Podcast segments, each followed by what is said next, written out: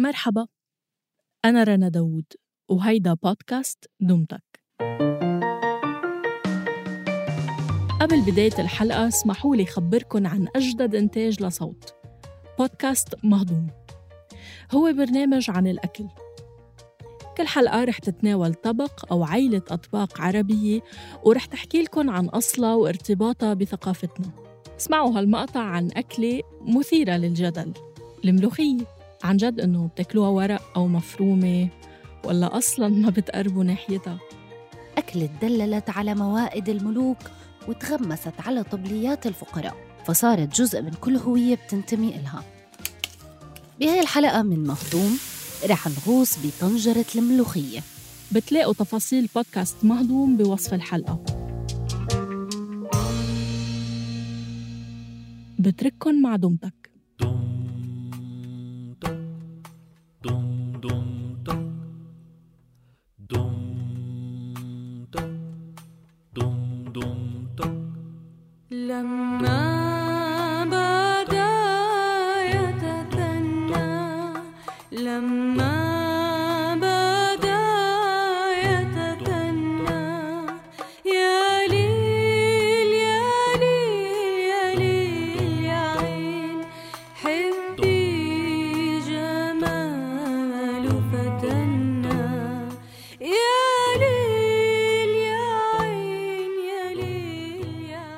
رحلتي مع الموسيقى الكلاسيكية مرتبطة بعلاقتي بموسيقى يوهان سباستيان باخ المؤلف الألماني اللي عاش في القرن الثامن عشر. عند سمع موسيقى باخ بحس بالطابع الروحاني والديني لألحانه. التجربة ممكن توصل السامع لأرقى درجات النفس. أنا مش إنسانة متدينة لكن موسيقى باخ غذت جزء من روحي. وقت درست حياته وجدت هالعبارة اللي بيقول فيها الهدف النهائي للموسيقى هو الارتقاء بالروح وتسبيح الرب.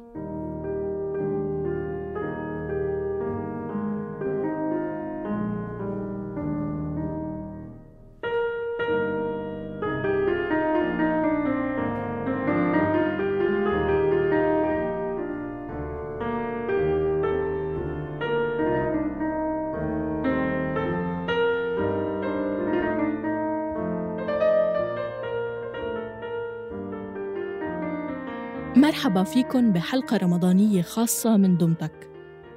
اليوم استثنائياً رح تسمعوا من لارا دروزي مدرسة موسيقى ومقدمة برامج موسيقية كلاسيكية. عاشت لارا بين الأردن وبريطانيا ودرست أسس الموسيقى الغربية. رح تحكي لكم عن ارتباط الروحاني العميق اللي بتلاقيه بالموسيقى الغربية وكمان بالموسيقى العربية والإسلامية.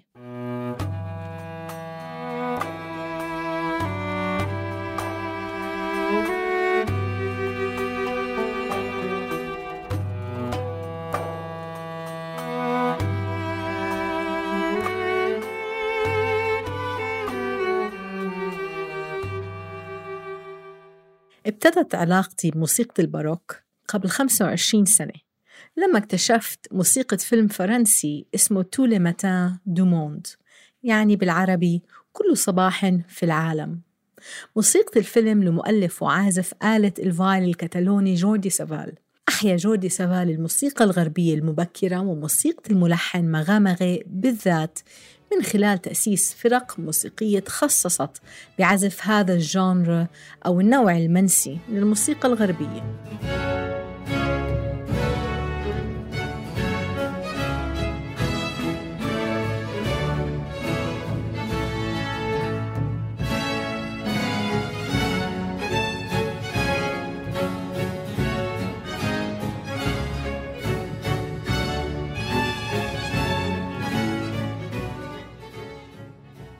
إحساس الارتقاء الروحي من تجربة سماع موسيقى باخ.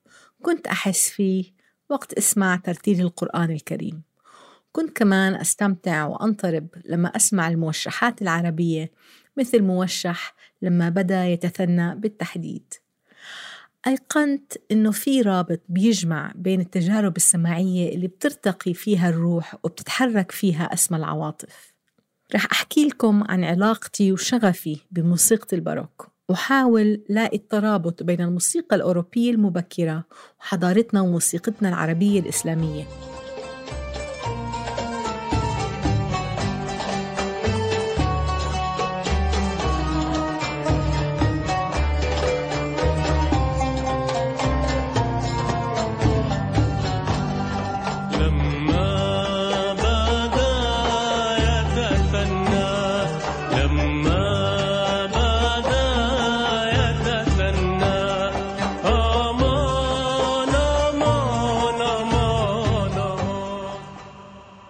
القرن الحادي عشر كان في تبادل بين الحضارتين الأوروبية والعربية نتيجة حكم العرب المسلمين في الأندلس مدة 800 سنة.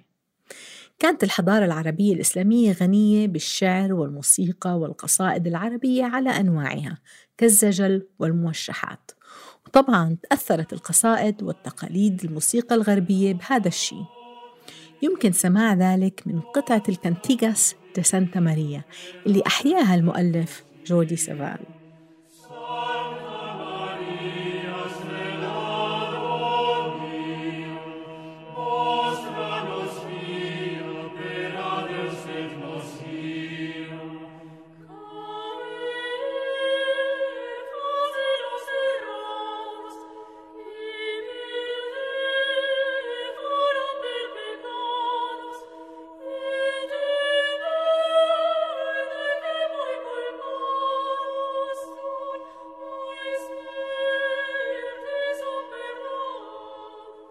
حاولت إنه أجد رابط واضح بين الموسيقى الأوروبية وتحديداً الباروك وبين الحضارة الإسلامية اللي أعطت الغرب الكثير من أسس بدايات تأليف الموسيقى الكلاسيكية.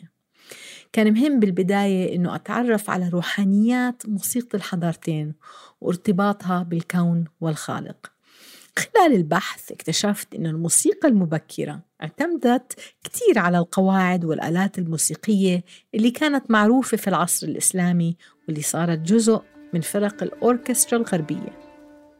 العالم الإسلامي الفارابي اللي كان فيلسوف وعالم فلك وكيمياء في القرنين التاسع والعاشر كتب عن الموسيقى في الكتاب الموسيقي الكبير.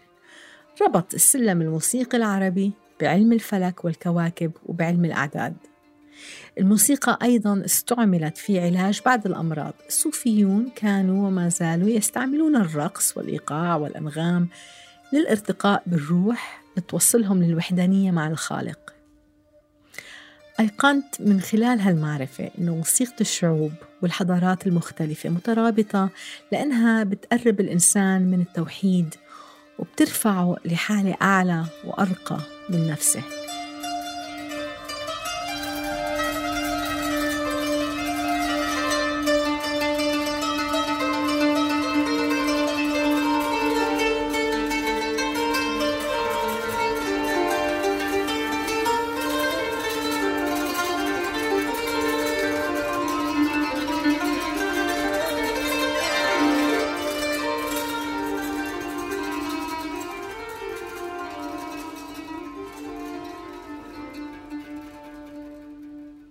الفرق الإجمالي بين الموسيقى العربية والغربية متواجد بالمساحات بين النوتة والأخرى في السلم الموسيقي. يعني في السلم الموسيقي لآلة البيانو مثلا نجد أنه المساحات السماعية أو التونية بين النوتات في أوسع وأكبر من المساحات السماعية من الموسيقى العربية. هذا بيعطي طابع لحني خاص للموسيقى العربية. الموسيقى الأوروبية المبكرة كانت مقربة من التراث العربي الموسيقي ونتيجة لذلك اللحن الموسيقي لقطعة ال Cantigas de Santa Maria اللي سمعناها من شوي قريب من موسيقى الموشحات. يعني قطع الموسيقى المبكرة مألوفة للسمع وقريبة من الأذن العربية.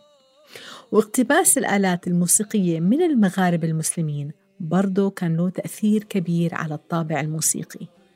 الآلات الشرقية التي أتت من مصر والحضارة الآسيوية وجدت طريقها للكنائس وموسيقاها. كان في تأثير مباشر بين الموسيقى النوبية على الموسيقى الغربية. نفرتاري.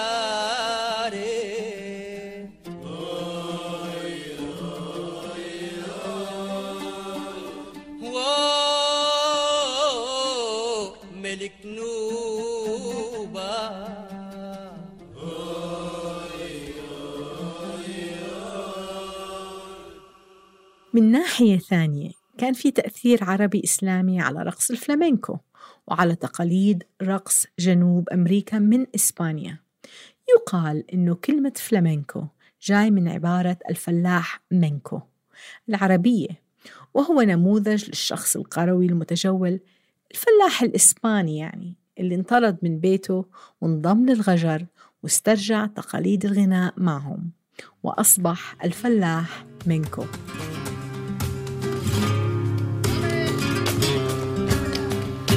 yo pudiera mover las manillas del reloj del tiempo.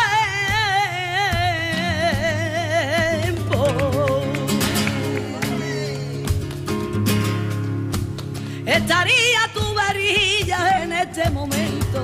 Hay quien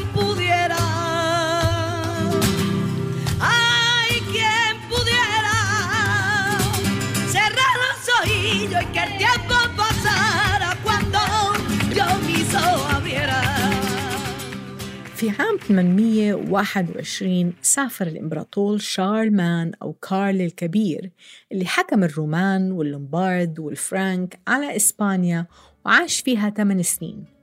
كان صديق للخليفة هارون الرشيد وتعلم في إسبانيا قواعد الموسيقى والقصيدة العربية. ويقال أن شارلمان حاول نسخ المعرفة الموسيقية اللي تواجدت في قرطبة وبغداد وحاول يرجعها معه على أوروبا.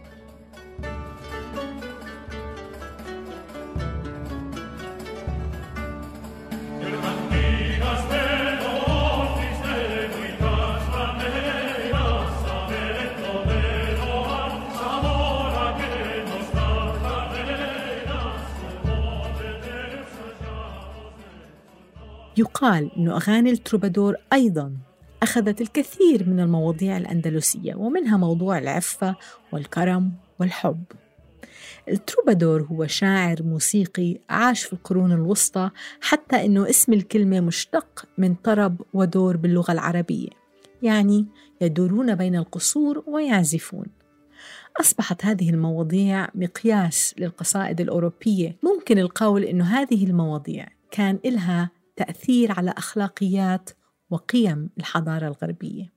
التأثير أيضا امتد لأسلوب ومواضيع القصائد الغربية التي أصبحت تمدح الله أو الخالق بدل من مديح رجال الدين الفاسدين. العلاقة بين الإنسان وربه في الإسلام علاقة مباشرة لا يتدخل فيها وسيط أو رجال الدين. أثر ذلك على موسيقى الباروك. اللي صار هدفها أيضا مخاطبة الخالق والبحث عن تلك العلاقة الروحانية بين الإنسان وربه.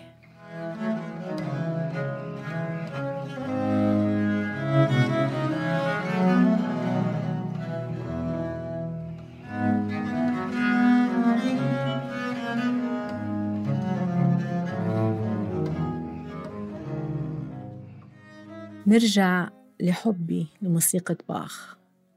كتب باخ 1128 مقطوعة موسيقية.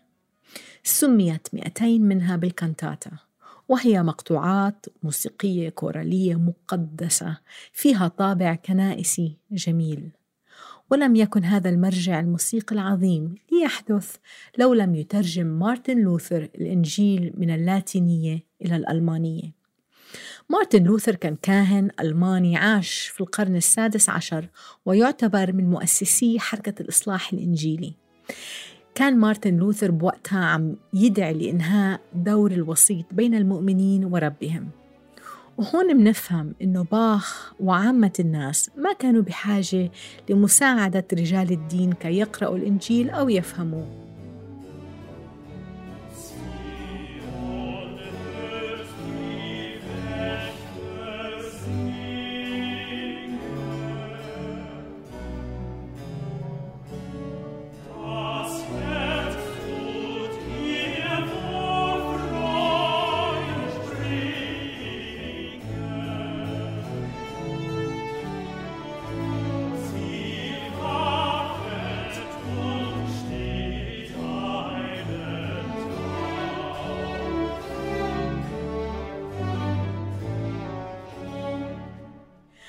أصبحت الأغاني الكنائسية أيضا تمدح السيدة مريم العذراء التي ذكرت في القرآن وكتب عنها بإجلال وقدسية. والدي دائما بيتحدث عن جمال سورة مريم وبيعتقد إنها من أجمل السور في القرآن الكريم. نظرته للديانات دائما فلسفية. في يوم كنا جالسين مع بعض وسألته شو اللي بيجذبه لسورة مريم. فشرح لي إنه جمال السورة هو في الإخراج الوصفي للآية. واذكر في الكتاب مريم إذا انتبذت من أهلها مكانا شرقيا. فأرسلنا إليها روحنا فتمثل لها بشرا سويا. صار عندي فضول إنه أقرأ الآية وأستمع لترتيلها. وفعلا حسيت بروحانية هالسورة. توضح لي إنه مشاهد القصة والكلمات المنتقاة وجرس الكلمات تخلق مشهد تصويري شاعري لمعجزة مريم وطفلها يسوع. فإما ترين من البشر أحدا فقولي إني نذرت للرحمن صوما فلن أكلم اليوم إنسيا فأتت به قومها تحمله قالوا يا مريم لقد جئت شيئا فريا. يا أخت هارون ما كان أبوك امرأ سوء وما كانت وما كانت أمك بغيا فأشارت إليه قالوا كيف نكلم من كان في المهد صبيا قال إني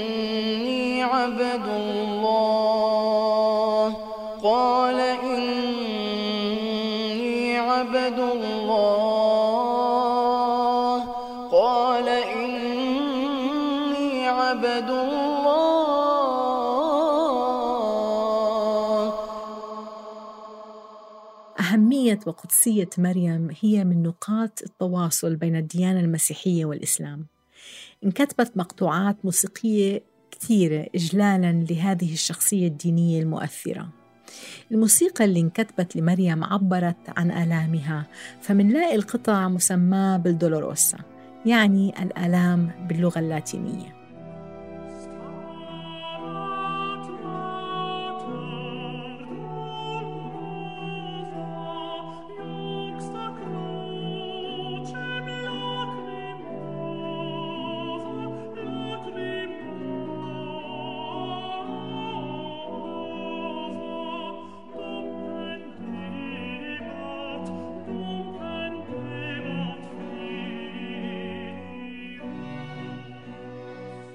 تأليف الترانيم أو الهمز المهداة إلى مريم للتعبير عن معاناتها عندما صلب المسيح. واصل الملحنين تأليف مقطوعات مهداة لآلامها من القرن الثالث عشر لحد القرن الحاضر. من المقطوعات التي استخدمت كإطار تأليفي وموسيقي هي مقطوعة الستابت ماتر.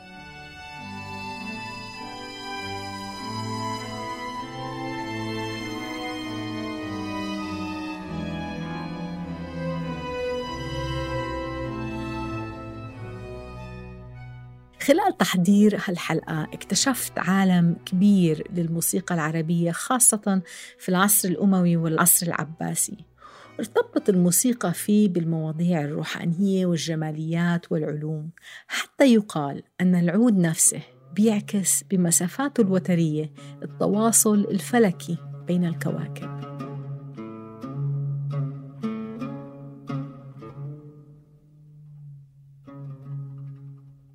من خلال رحلتي بتعلم الموسيقى توضح لي أن الموسيقى الكلاسيكية برقيها وعظمتها تأثرت بالحضارة الإسلامية وأكملت الطريق من بعدها. بتمنى أكون وصلت لكم بعض الأفكار عن التواصل الحضاري الموسيقي اللي ربط الموسيقى المبكرة ببعض الأسس الإسلامية. وبدعوكم تشاركونا تجاربكم السماعية الموسيقية بعد سماعكم لموسيقى الباروك أو ألحان باخ أو أي موسيقى بتلاقوا فيها اتصال روحاني. هاي الحلقة إعداد وتقديم لارا دروزة. تحرير رنا داوود وإخراج صوتي لتيسير قباني. النشر والتواصل تولته مرام النبالي وجنى قزاز. بتقدروا تسمعوا حلقات رمضان الخاصة اللي حكينا لكم فيها عن فوازير شريهان والنغمات المرتبطة بالموسم الرمضاني. وإذا حابين تسمعوا حلقات الموسم الجديد من دمتك إيه إيه رح نرجع قريبا تأكدوا إنكم تضغطوا على زر الاشتراك أو تعملوا subscribe بقناتنا على تطبيق البودكاست اللي عم تسمعونا عبره سواء كنتوا من مستخدمي Deezer أو Castbox أو Apple Podcasts. واللي بحب يكتب تقييم للبرنامج يتفضل. دمتك من إنتاج صوت.